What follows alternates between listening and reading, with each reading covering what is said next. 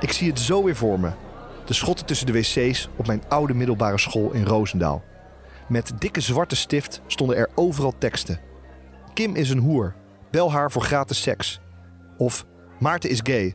Met hun 06-nummers erbij geschreven. Dit klinken misschien als gemene grappen, maar het is een veel ernstiger en serieuzer probleem dan je denkt. Dit gebeurt namelijk niet alleen op de muren in openbare wc's, maar ook online. Het bewust publiceren van gegevens van een persoon met als doel diegene helemaal kapot te maken. Dat heet officieel doxing.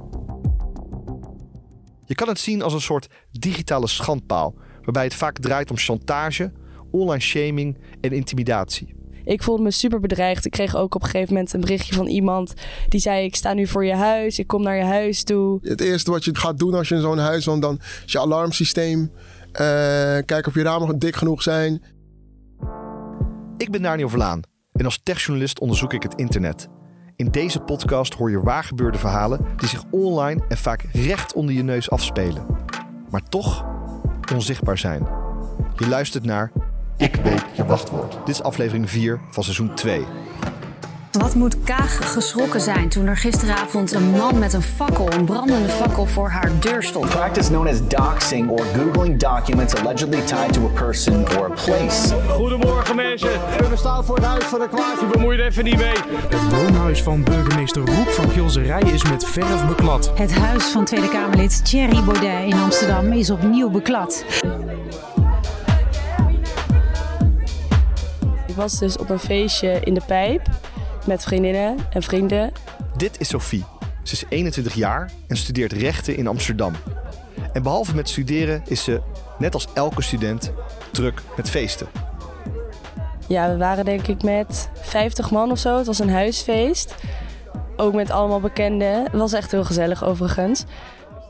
Het feest was afgelopen, de muziek uh, ging uit, TL nog net niet aan, maar goed, dat idee was het wel. En uh, wij moesten allemaal naar buiten. Dus de, nou, één voor één druppelde iedereen naar buiten. Maar uiteindelijk stonden er wel veel mensen op een Uber te wachten. En daardoor werd het natuurlijk extra druk. Sophie en een vriendin proberen een taxi te fixen. Steeds werden, steeds werden we gecanceld en de bedragen werden steeds hoger. En nou, dan kreeg je op een gegeven moment een Uber en die kwam er dan aan over 40 minuten. Terwijl we maar 10 minuten naar huis hoefden. Dus toen hadden we op een gegeven moment zoiets van: hier hebben we geen zin in. We willen gewoon nu zo snel mogelijk naar huis. Het was helemaal donker, was niemand meer. Dus uh, we wilden gewoon zo snel mogelijk thuis zijn.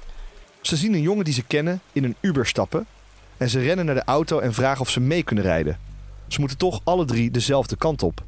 En hij zei van oké, okay, uh, hij zet mij eerst af en dan rijdt hij jullie daarna naar huis. En dat vond die Uber-chauffeur ook goed. Dus dat hadden we afgesproken.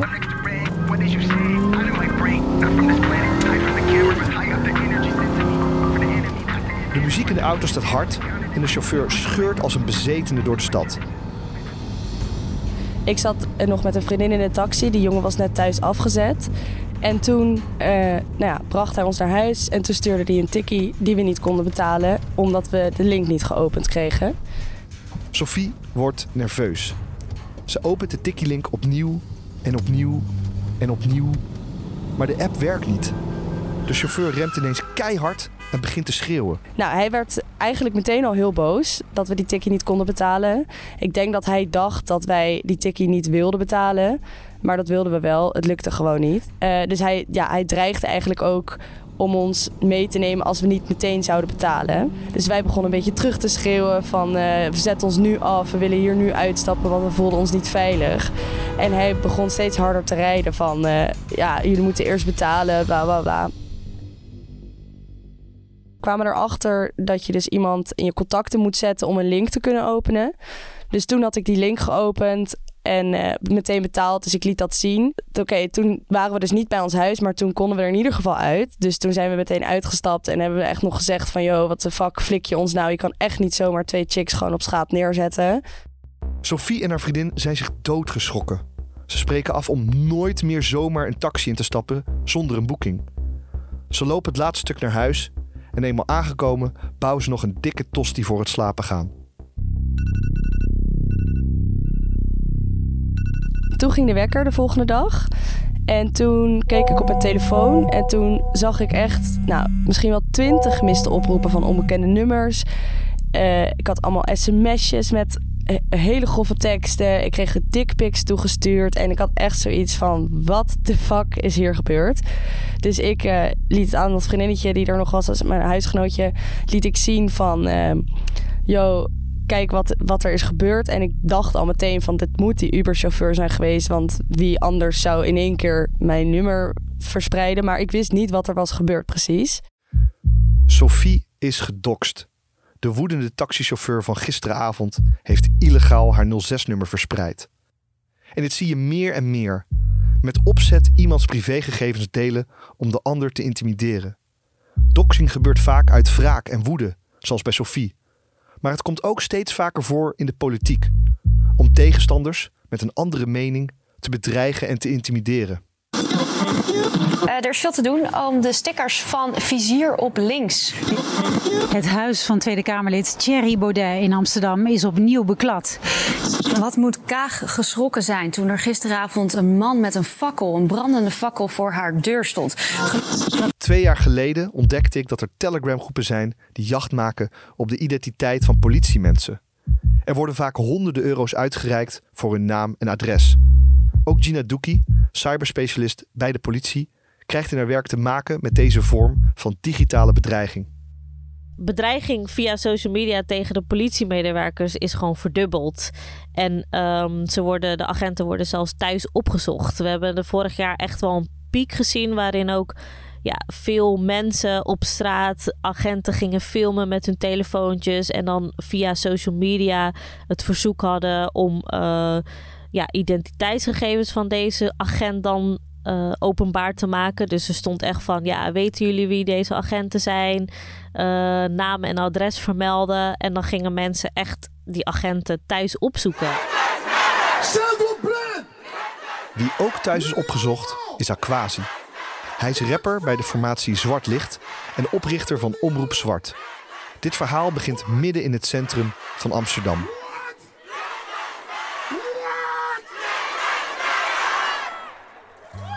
Het is 1 juni 2020. En je ziet allemaal mensen op de Dam. En de Dam is iconisch natuurlijk in Amsterdam. Je kan niet langs, je kan niet in Amsterdam zijn zonder de Dam te bezoeken. Op dat moment waren er zoveel mensen, ongeveer 10.000 of meer dan 10.000 mensen, op de Bres en op de Dam dus, om op te staan tegen iets wat groter was dan de coronapiek destijds. En dat was uh, racisme en discriminatie.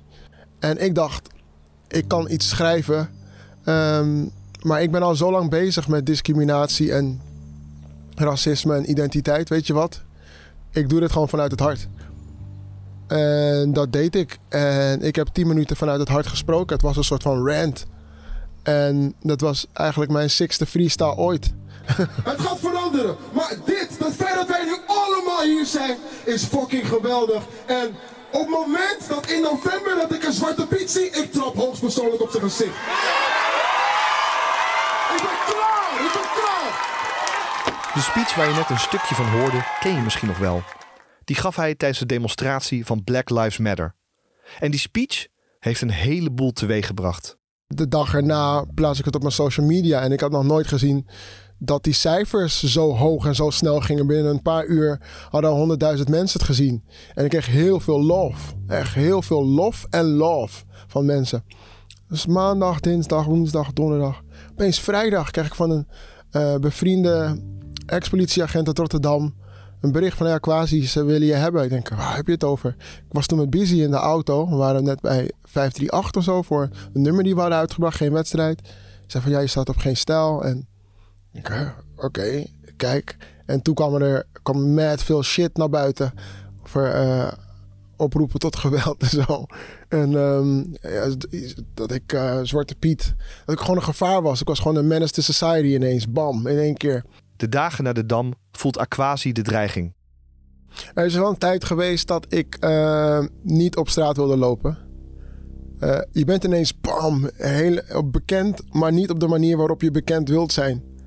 Want je verpest gewoon heel veel dingen voor, voor groepen, voor mensen. Uh, en tegelijkertijd, dus ik, was een, ik werd een held, maar ik werd ook een soort van vijand. Uh, zat een, uh, er zat echt props, maar er zat ook veel haat. En wat veel naar buiten is gekomen is vooral haat. Een paar maanden later koopt Aquasi een nieuw huis. Het wordt bijna opgeleverd. Het was op maandag. Ik woonde in Den Haag. Dus ten tijde van alles in juni en de Dam woonde ik in Den Haag. Eh, ik had al wel een huis gekocht. Maar ik ben niet zo van het pronken van... hé, hey, kijk mijn huis, ik sta op... Uh, ik heb mijn huis gekocht, blij bij de notaris. Nee, hoeft allemaal niet. Um, en op maandag open ik even mijn Insta. En toen kreeg ik een bericht van een guy die ik niet ken. Ze van, joh, Aquasi, ken je van Zwart Licht, respect, doop. Ik wil dat je dit weet. Uh, er is iemand die heel zuur is, die praat over jou op, in een Facebookgroep. Uh, Glazen was United. En hij stuurde screenshots. En toen zag ik dat die guy mijn huis op die maandag. Dat, hij dat hij glazen zou wassen. Maar hij was daar zo boos over dat hij zei: van oké, deze man praat over hoe slecht het is in Nederland. Een beetje respect graag, want ik sta hier wel je glazen te wassen. Uh, met je huis van zoveel geld, et cetera. Voortuin, achtertuin, alles van hier woont hij. Dan weet je dit wel. Het kan verschrikkelijk eng zijn als je adres in verkeerde handen valt. In de kern is het niet tof. En natuurlijk weet ik dat publieke figuren vaak. Je weet vaak waar. Iedereen kent wel een bekendheid, waar een bekendheid woont. Weet je? Maar het is niet de bedoeling dat je dat soort dingen online gaat lekken. Dat zou strafbaar moeten zijn. En moet, wie, wie is hiervoor verantwoordelijk? Weet je? Wat is daar nou aan te doen? Daarvoor moet ik de trein nemen naar Den Haag. Ik sta hier in Den Haag voor het uh, vrij grote en imposante gebouw van het uh, ministerie van uh, Justitie en Veiligheid. En daar sta ik omdat ik zometeen een afspraak heb met de minister, Dilan Jezilgus Segerius.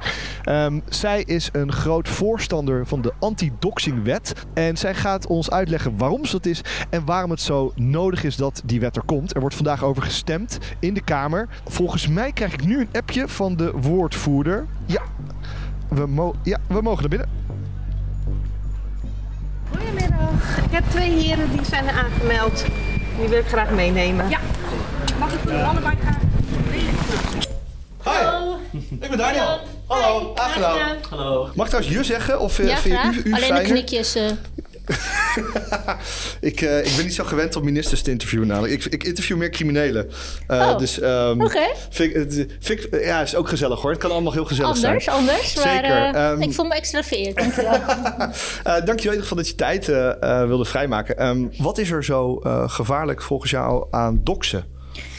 Ik vind het zelf een rotwoord doxen, omdat ja. het uh, misschien heel weinig zegt. Maar als je, het, als je het echt gaat benoemen waar het over gaat, dan gaat het over dat mensen jouw naam, jouw adres, jouw foto online kunnen zetten. Um, met uh, min of meer de mededeling, in verschillende woorden kan dat zijn. Uh, ik moet deze gast niet en dit is zijn adres of zoek hem op. Of nou, hierbij een foto. Uh, of je naam, of je adres, of iets anders. Uh, en dat betekent dat, uh, en dit gebeurt, dit gebeurt heel vaak. Dit gebeurt bij politiemensen, dit gebeurt bij... we hebben het tijdens corona gezien met artsen. Het kan van alles zijn, politici, noem maar op.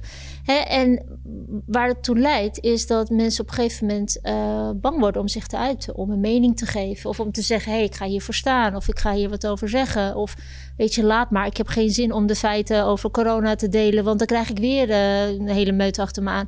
Dus het zorgt voor heel veel onveiligheid, die direct ook vertaald wordt in censuur, bijvoorbeeld. Een beperken van vrijheid van meningsuiting. En ik vind dat ongelooflijk heftig. Heb jij er als, als, als minister zelf uh, last van? Ik, ik weet dat bijvoorbeeld ook van die lijsten zijn rondgegaan met uh, de adressen ook van, van ministers. Ik weet, ik kan me even niet voorhalen of jij erop stond, maar... Um... Ongetwijfeld heb ik ergens wel, uh, wel opgestaan. En, um... Maak jij er zorgen om? Nou, het gaat niet over... Het maakt me boos. Ja. Het maakt me boos. Kijk, ik doe dit werk omdat ik mij wil inzetten voor een veiliger Nederland. En dan kan je me eens zijn, kan je me oneens zijn. Je kunt vinden dat ik mijn werk druk doe. Dat mag allemaal. En in een rechtsstaat kan je ook behoorlijk ver gaan in dat uiten. En straks kan je ook nog eens uh, tijdens de verkiezingen zeggen: ik stem op iemand anders, dus dan ben jij ook weg. Dat kan allemaal. Maar als je mensen ook nog thuis wil opzoeken, ik, ik vind dat zelf een hele laffe, echt vind dat heel laf. Dat je denkt, ik kan niks anders bedenken dan jou thuis intimideren. Nou, ik laat me niet intimideren. Ehm, maar dat is makkelijker altijd gezegd dan gedaan als het uh, voor je neus uh, gebeurt. Dus ik vind het vooral een ongelooflijk laffe, lage manier van mensen monddood willen maken. Nou, en, dat, uh, ik, en ik ben heel blij dat ik in de positie ben. Want als Kamerlid heb ik me hier altijd tegen verzet. En ik wilde dat het strafbaar gesteld zou worden. Dus hoe bijzonder is het dat ik het nu als minister mag doen. Ethisch hacker Rick van Duin laat zien hoe je met één druk op de knop in Telegram groepen komt waar de nummers en huisadressen van honderden mensen worden gedeeld. Ik, heb nu, ik join nu een nieuwe. Expose Kers en Fuckboys. Oké, ja, ik zit hier dus nu in Expose Kers en Fuckboys. En wat je eigenlijk ziet is dat uh, nou, beeldmateriaal wordt gedeeld, namen, nummers. En dan wordt er gezegd van ja, deze uh, mevrouw is welwillend, uh, bel haar. dus op die manier worden eigenlijk een soort advertenties ge gemaakt voor mensen. Sophie's telefoon blijft urenlang trillen van de belletjes berichten en ranzige foto's die naar haar worden gestuurd. Nou, en het werd maar meer en meer. En ik kreeg maar berichtjes en foto's. En ik voelde me super bedreigd. Ik kreeg ook op een gegeven moment een berichtje van iemand die zei: Ik sta nu voor je huis. Ik kom naar je huis toe. Dus ik had echt zoiets van: Wat is dit? En toen uh, kreeg ik op een gegeven moment een appje van een onbekend nummer dus ook. En die stuurde: Hi, ik weet niet of je het weet, maar je foto en je telefoonnummer gaat rond in een Telegram groep. Nou, ik wist helemaal niet dat dit soort groepen bestonden, dus ik ging het opzoeken op internet. Toen zag ik echt duizend artikelen. Uh, en toen dacht ik echt, oh my freaking god. Ik kreeg een foto doorgestuurd wat er dan was gestuurd in die groep. En daar stond bij, Sophie Kankerhoert Amsterdam doet alles voor drugs. Oh, ik heb hier in ieder geval een uh, screenshot van wat voor berichtjes ik kreeg. Dat was namelijk, kankerhoertje is mijn piemel te groot voor je. Beter verwijder je hem wel even netjes en braaf als een kleine doggo. Gelukkig durf je niet door te sturen XX. Je, we hebben het net over politieagenten en uh, ook onder andere over politici. Dat zijn natuurlijk beroepen die, uh, die gebaat zijn dat er niet zomaar wordt geïntimideerd. Um, voor de doodgewone burger, hè? Um, hebben zij, kunnen zij last hebben van doxing, denk je? En zo ja, ja op welke manier? Zeker, dat kan. Um, ik denk dat het misschien vaker gebeurt bij mensen die zich ook inzetten voor die uh, publieke zaak. Maar we zullen ook, als, zodra we dit verboden hebben, zien hoe vaak welke zaken er komen. Ik waak er ook voor. Ik vind ook dat we met elkaar moeten blijven uitsteken dat het niet normaal is dat je een samenleving gaat worden waarbij als je het met iemand niet eens bent, dat je meteen overgaat naar intimidatie en agressie. En hoe zit het op straat? Ben jij bang dat al je gegevens online komen te staan? Nee hoor. Echt niet. Ik heb geen geheimen. Ik ben er redelijk bang voor, omdat sommige mensen uit mijn verleden vaker mijn uh, spullen hebben gelekt, mijn adres en mijn telefoonnummer, waar ik op school zit, dat soort dingen. Ja, schending van je privacy, dat is heel onprettig. Ik ben er eigenlijk niet zo heel bang voor, ook omdat ik denk, ja, wat, wat moeten ze met mijn gegevens? Ik ben er wel bang voor en ik heb er ook meerdere keren te maken mee gehad. Maar hoe verklein je nou de kans dat je zelf gedokst wordt?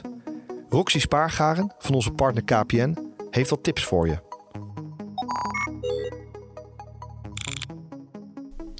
Doxing kan voortkomen uit hacking, maar het gebeurt veel vaker dat je de informatie zelf online hebt gezet. Mijn grote tip is dan ook: blijf anoniem op het internet. Denk bijvoorbeeld aan je Instagram. Heb je daar je privacygegevens ingesteld? Je WhatsApp-foto, staat die openbaar? Al met al dus denk heel goed na bij alles wat je uploadt. En dan nog een tip van mij. Google jezelf zo nu en dan. Kijk wat er over jou online staat en wat je allemaal kan verwijderen. Want als jij het kan vinden, kunnen anderen dat ook. Goedemorgen mensen.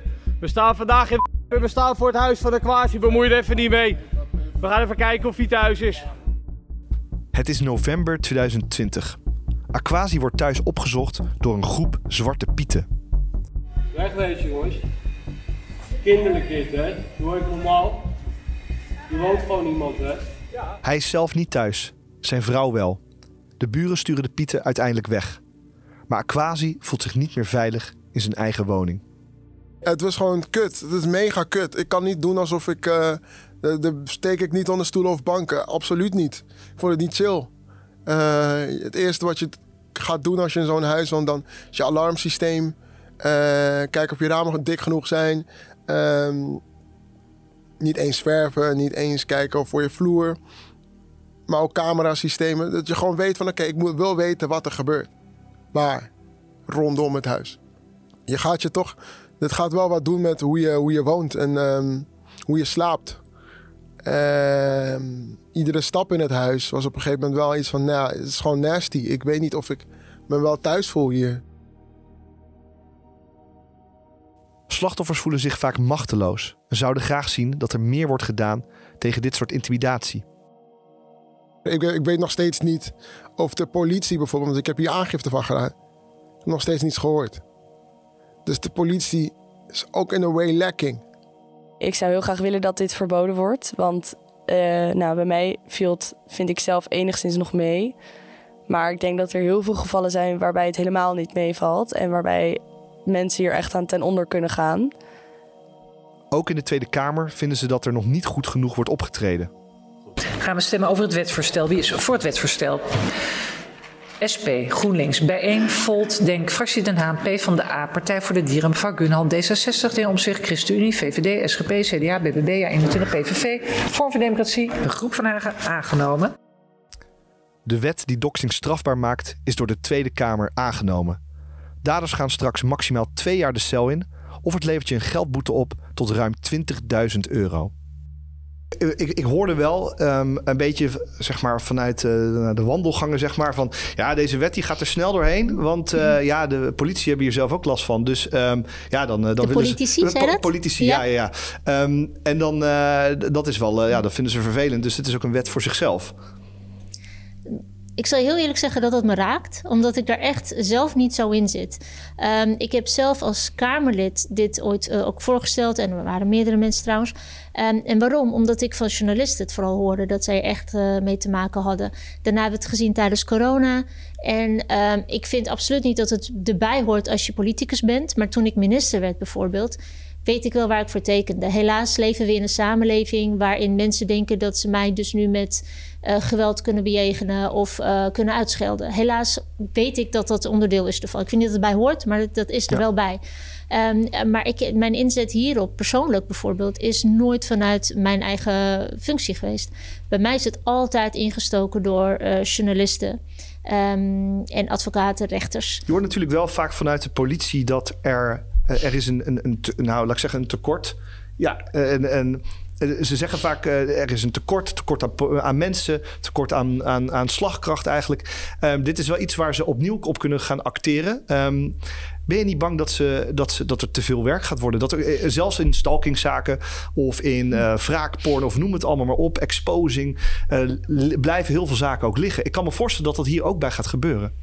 Nou ja, dit is natuurlijk een goed punt. We hebben niet uh, voor alles wat we zouden willen kunnen oppakken in dit land of zouden moeten oppakken, hebben we uh, inderdaad niet genoeg mensen, of het nou bij de politie is of bij justitie of bij de rechterlijke macht. Um, we hebben hier natuurlijk wel heel veel met politie en justitie over gesproken. En er is ook geld vrijgemaakt hè, voor, uh, voor deze aanpak. En er is ook, mijn aanname is ook wel, en die, die, die, die laat ik onderbouwd worden natuurlijk door politie en justitie, dat het ook vaak dingen zijn die ze wel tegenkomen, maar niet nu kunnen handelen. Hm. Uh, en precies het voorbeeld wat je noemt, dat je in besloten groepen ziet hoe er echt jacht wordt gemaakt door politiemensen. Um, en, het, en, dat zien we dus vaker en dan kan je niet handelen. Dus ik hoop ook dat dit gewoon extra mogelijkheden geeft om effectief te handelen op dingen die je ziet uh, gebeuren, maar nu niks tegen kunt doen. Ja. Uh, dus we hebben natuurlijk met politie hier goed over gesproken en we zullen ook elke keer, we zullen dit ook blijven evalueren. Dus na twee jaar gaan we ook kijken, werkt de wet? Liepen we ergens op vast, op wat dan ook? En dan moet je het ook weer durven aan te passen, vind ik. Um, maar ik wil heel graag uh, politie ook en justitie de, de tools geven om wel te handelen als ze het zien gebeuren, op zijn minst. Maar of zo'n wet in de praktijk echt gaat werken, moet nog blijken. Wat doet de wet eigenlijk precies? Dat is de vraag. Als je kijkt naar artikel 1, dan mag discriminatie bij uitstek al niet. Het wordt toch nog al, al jarenlang gedoogd. Het gebeurt gewoon. Mensen worden gediscrimineerd op basis van huidskleur, op basis van religie, op basis van geaardheid. Het gebeurt al lang. Uh, iedere politiebureau waar ik, ben, waar ik ben geweest in 2020, 2021. Ik heb in mijn leven nog nooit zoveel politiebureaus gezien of politieagenten ontmoet. Stil of in uniform. En iedere bureau zie ik heel groot artikel 1. Uh, wat betekent dat precies als je iets opschrijft? Betekent dat dan dat je dat in het echt ook moet naleven? Of betekent dat dan dat het een papieren werkelijkheid is? Want tot nu toe heb ik het ervaren als een papieren werkelijkheid. Als racisme en discriminatie niet mag, dan mag het ook niet. Dan moet het ook strafbaar worden voor de mensen die zich discriminerend uiten. En ook als het gaat over doxing. Dus als het een wet wordt, prima. Maar wie is verantwoordelijk daarvoor?